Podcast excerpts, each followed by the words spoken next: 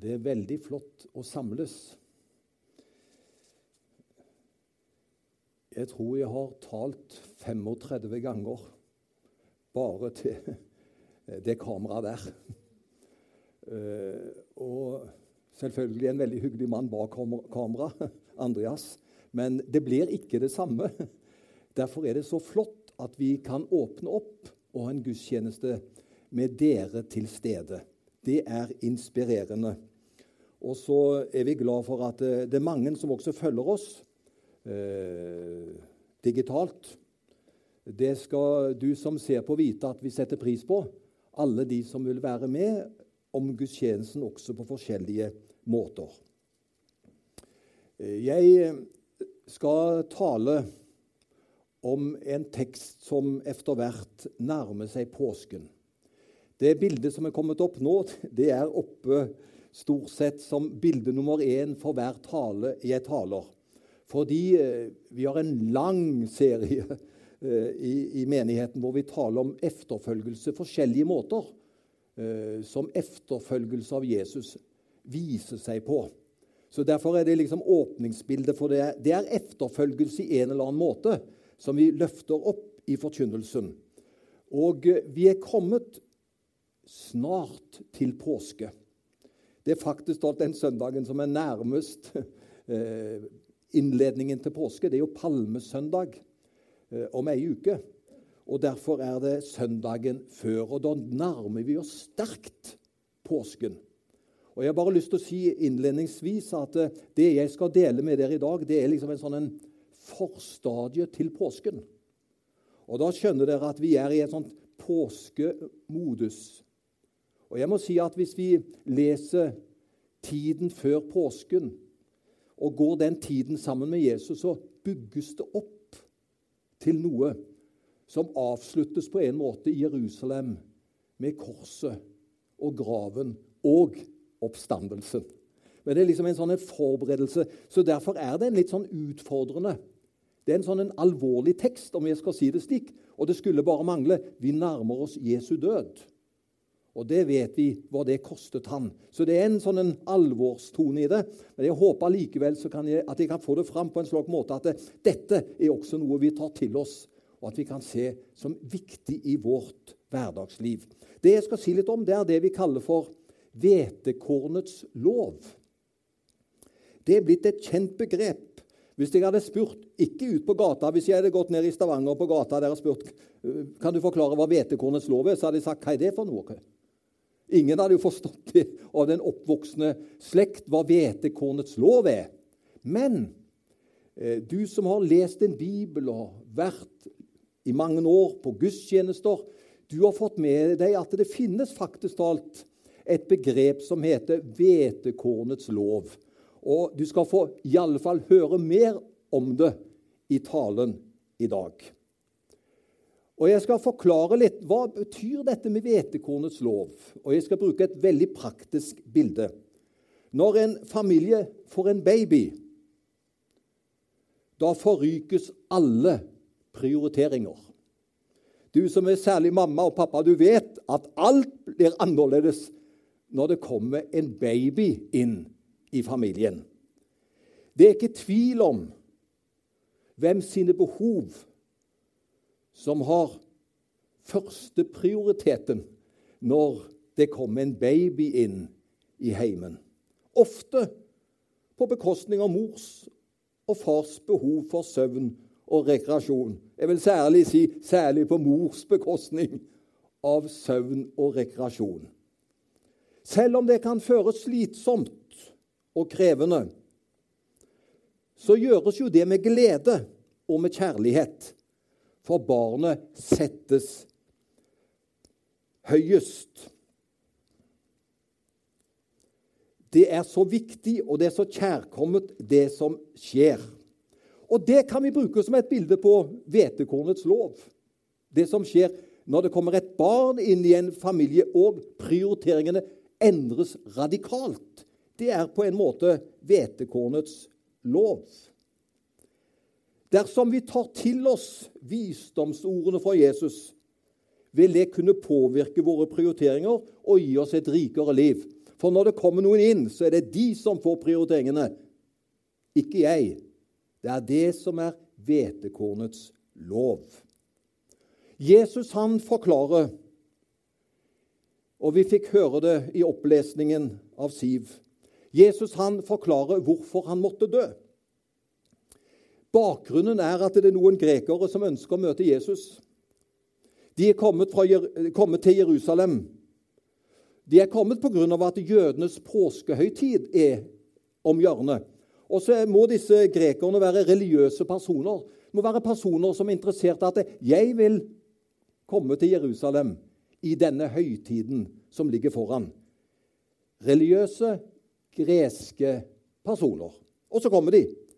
Men det de har fått hørt For det kan godt være at de har vært i Jerusalem tidligere også år på høytiden. Men det de har hørt på vei til denne høytiden, så har de fått med seg noe som virker sjokkerende, rett og slett revolusjonerende. De har fått høre at Jesus han har vekt Lasarus opp fra de døde. Og han skal visst også være i Jerusalem, han som har gjort dette store underet.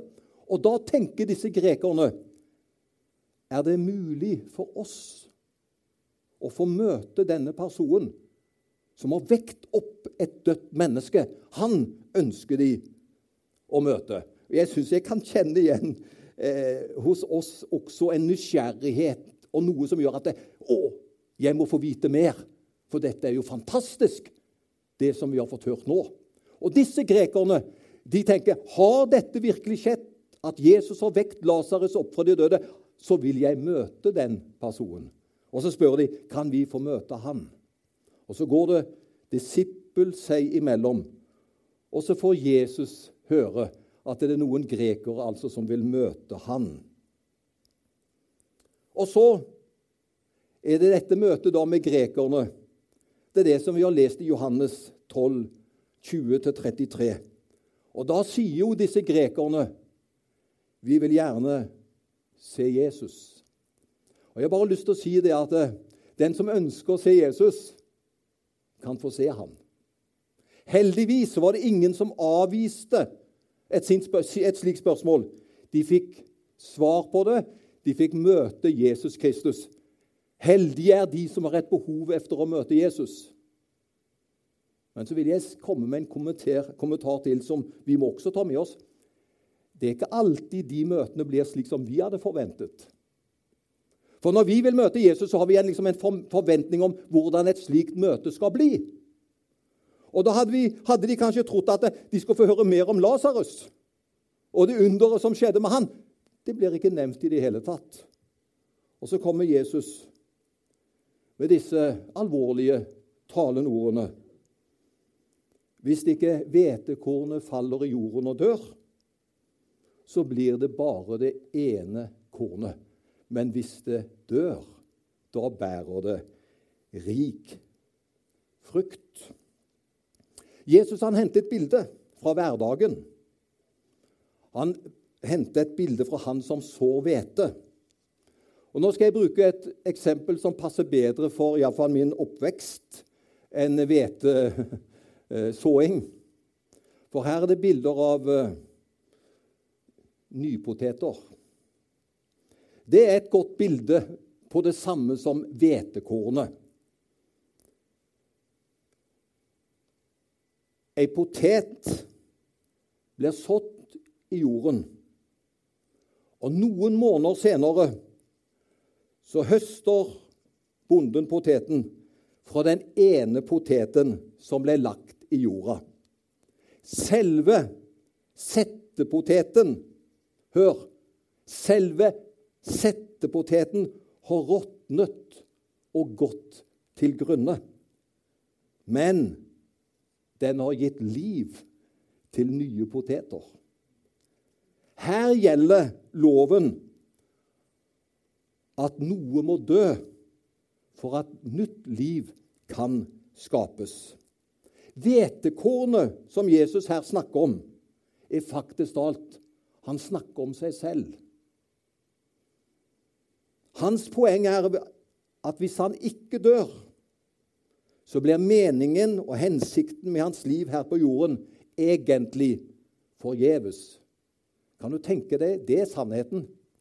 Hvis ikke Jesus hadde dødd, så hadde vært hensikten med hans liv hadde vært forgjeves. Men hvetekornet ble lagt i jorden, og du verden for hvilke frukter det har gitt. Mengder av nytt liv spirer fram. Når hvetekornet dør, så bærer det mye frukt, altså åndelig liv og nye Guds barn. For det er jo det som er poenget. Det nye Guds barn som kommer ut av det som skjedde da Jesus døde og sto opp. Dette er det vi kaller for hvetekornets lov. Og så sier Jesus videre i teksten timen er kommet da menneskesønnen skal bli herliggjort. Hans død gir nemlig liv til oss. Hvilken time tenker Jesus på? Han sier jo at timen er kommet. Hvilken time tenker Jesus på? Jo, han tenker på korsets time, hvor han selv, hvetekornet, skal dø. Jesu død i påsken fører med seg at nytt liv spirer fram, og at tilgivelse for synder blir tilgjengelig for alle mennesker. Det er jo fantastisk. Tenk hvilke konsekvenser Jesu død fikk. Det har ført til tilgivelse for syndere er tilgjengelig for alle som ønsker å ta imot det. I teksten vår så bruker Jesus tre ganger ordet om timen er kommet. Han sier det tre ganger timen er kommet. Og Da må det være noe viktig han ønsker å få fram, hvor han sier at timen er kommet. Begrepet tid det kan forstås på minst to måter. For det første så er det det ordet som heter kronos, som betyr sekunder, minutter, timer. Vi får hver dag. Det er liksom, det er en tid, ikke sant? Timen eller tiden, og så blir det gjort om til minutter og timer. Men tid kan også bety noe annet. Det kan bety virkeligheten, tilstanden og selve øyeblikket vi lever i. Og det er på den måten Jesus bruker timen er kommet her. Nå er det kommet en helt spesiell tidsepoke for alle menneskene. Det er ikke bare å snakke om minutter på en dag, men nå er det et helt spesielt øyeblikk som er kommet. og Derfor bruker han ordet slik timen er kommet. Den siste påske, hør, var en spesiell epoke i Guds tidsregning. Vi har jo en tidsregning hvor vi sier år null, ikke sant? Vi bruker tidsregning fra da Jesus ble født. Men egentlig, hvis vi virkelig skulle være eh, kirkelig, for å si det slik Intensjonen med Jesus Kristus, så begynner det en spesiell tidsepoke ved korset. Korset ble frelsens time. Det er den spesielle timen det dreier seg om da hvetekornet faller i jorden og dør. Og Derfor vil jeg nesten regne med den nye åndelige tidsalder har med Jesu død og oppstandelse å gjøre. Det er den som setter standarden for den nye tidsregningen, hvis vi skal se på det rent åndelig. Timen er kommet. Det er da han skal dø. Det er frelsens time. Det er korsets time. Og det som skjer da Jesus dør på korset Forfatteren av hebreerbrevet han sier noe veldig vakkert om det. Men du skjønner, hvis du ikke får se slik som hebreerbrevets forfatter sier det, hvis du ikke får se det med åndelige øyne, så er det jo ikke noe vakkert som skjer på korset. Vi vil heller si at det er uestetisk. Det er en person som lider, det er en person som har smerter. Det er blod, det er sår, det er jo ikke noe vakkert syn, er det det? Men vet du hva? Med Guds øyne så er det det vakreste som har skjedd. Nå skal jeg lese ifra Hebreerne 2, vers 9. Skal du høre hva forfatteren sier? Jesus, Ham ser vi kronet med herlighet og ære. Hvorfor det, da? Fordi han led døden.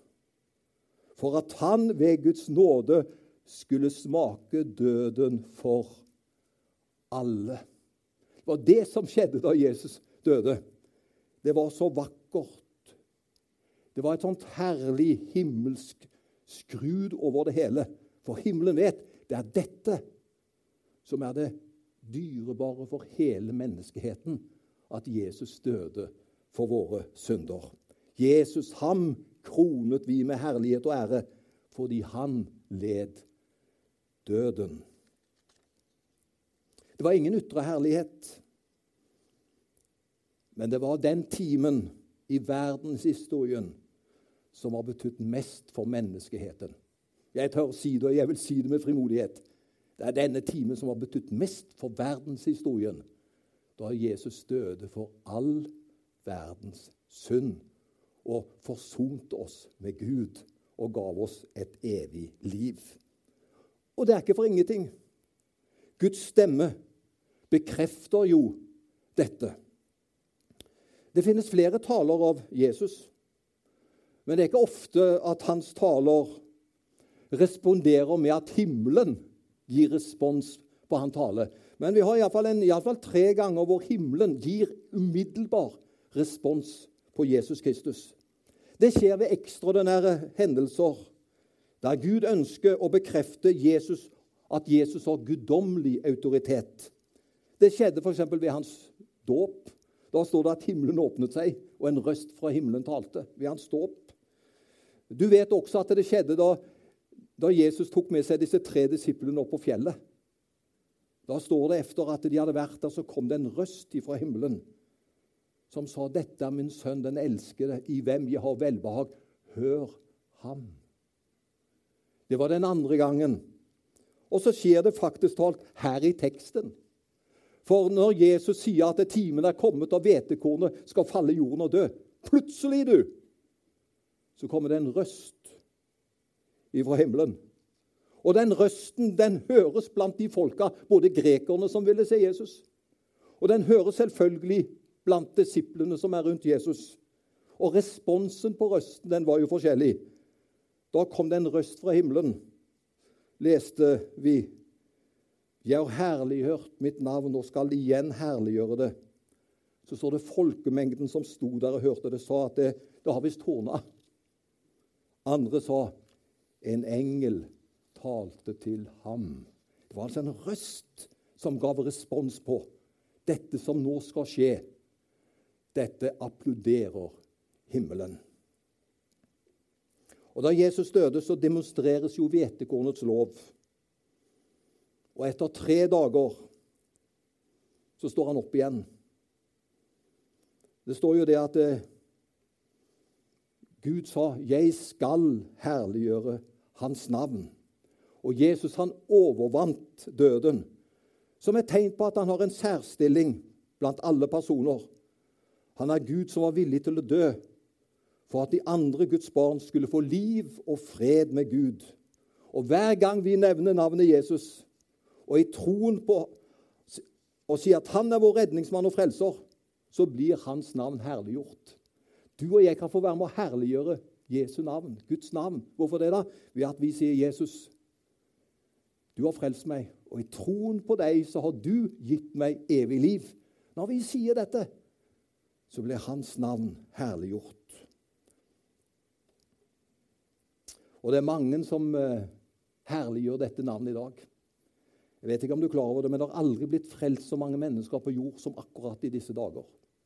Hvis vi ser globalt på det Det er noen som kaller visse for globalister, ikke det? Sånne som er opptatt av hele verden. vet du hva? Jesus er opptatt av hele verden. Evangeliet er for alle mennesker. Og tenk på hvor mange mennesker i dag som blir frelst. Hvorfor det? da? Budskapet er globalt. Det gjelder for alle. og Det har aldri skjedd så mange omvendelser som i dag. Og gjennom det så ble Guds navn æret. Og så er jeg kommet langt over halvdelen av min preken nå, altså. Så du kjenner, da begynner det å gå nedover. Det var som en som sa det at det er et fly som holder på å finne en landings, landingsstripe her, så vi kan komme oss ned. Så jeg, jeg svever litt til, og så er det snart en landingsstripe. Så skal vi gå ned for landing. Men Jesus sier etter han har snakket om hvetekornet, så sier han dette skjer for deres skyld. Jesus trengte ikke dø for sin egen skyld. Men dette som skjer, sier Jesus, det er for dere. Og så har jeg bare lyst til å si noe. Det er godt. Halleluja. Vet du hva? Da Jesus døde, da tapte djevelen. Jesus påførte djevelens et sviende nederlag. Korset er den ondes nederlag. Jesus uttrykte det på følgende måte, som det ble lest i vers 31. Nå skal denne verdens hersker kastes ut. Det var det som skjedde.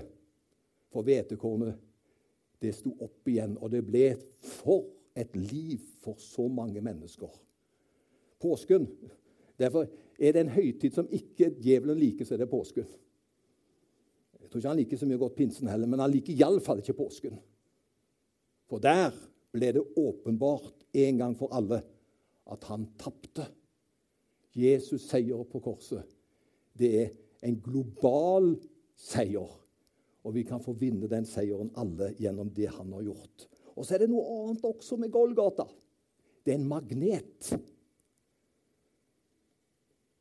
For Jesus sier, 'Når jeg blir opphøyd fra jorden, skal jeg dra alle til meg.' Tenk han sier det.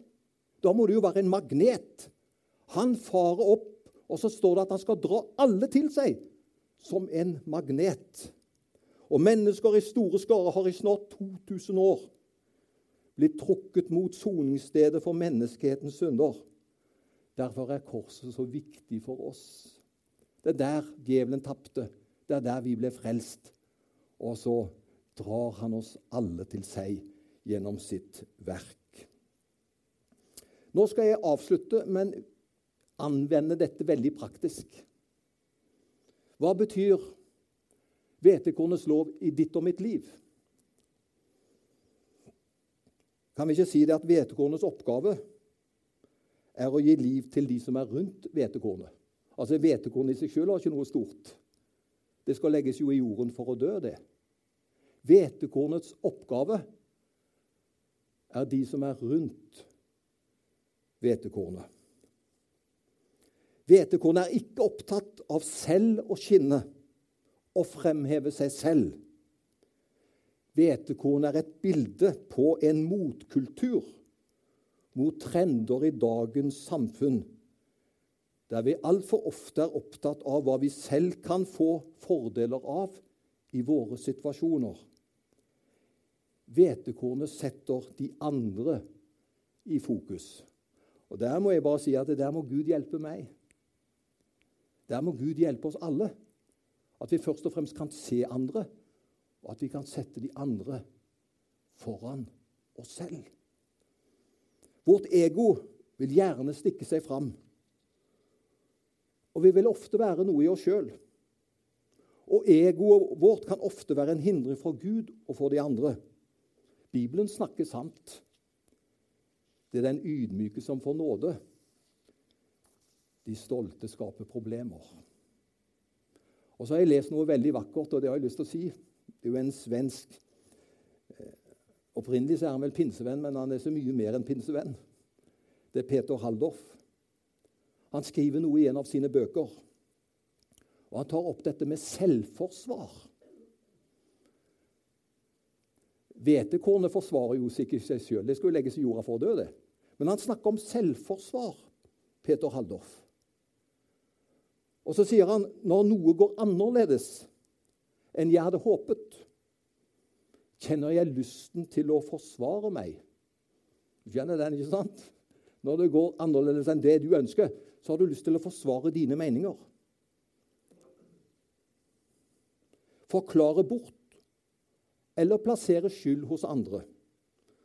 Eremittene i ørkenen beskrev selvrettferdiggjørelsen som den tunge byrden. Har du først begynt på selvrettferdiggjørelsens vei, er du fanget for alltid. Behovet for selvrettferdiggjørelse blir aldri borte. Det er sant, det. Begynner vi først på selvrettferdiggjørelsens vei, så har vi nok å gjøre. For det blir aldri borte. Men så sier han det motsatte. Den lette byrden er å ta opp sitt kors. Vedkjenne seg selv, akseptere seg selv, erkjenne at jeg ikke er verdens beste på alt, at jeg ikke må hevde meg og vise at jeg har rett. Og så kommer det et bilde opp nå. Et direkte sitat fra Peter Haldorf. Ingen er så fri som den som ikke trenger å få det siste ordet. Kan dette være et ord til oss menn? Kan dette være et ord til oss alle? Det er tøft hvis vi alltid skal ha det siste ordet. Og når jeg leste det, så opplever jeg at dette er virkelig en åndelig sannhet. Ingen er så fri som den som ikke trenger å få det siste ordet.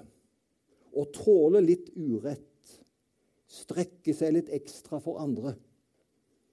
Slik lever ydmyke mennesker som har sagt seg villig til å la hvetekornets lov få gjøre sin virkning. Og det er et valg hver enkelt av oss må ta. Og så kan det være slitsomt og krevende, for vi har jo lyst til å forsvare oss. Vi har jo lyst noen ganger å sette skapet på plass. Men kanskje ikke det er den åndelige veien å gå. La oss være hvetekornet som oppgir oss sjøl, som gleder og velsigner Herren og våre medmennesker. Hvis hvetekornet dør, bærer det mye frukt. Ære være Faderen og Sønnen og Den hellige ånd, som var og er og blir en sann Gud fra evighet og til evighet. Amen.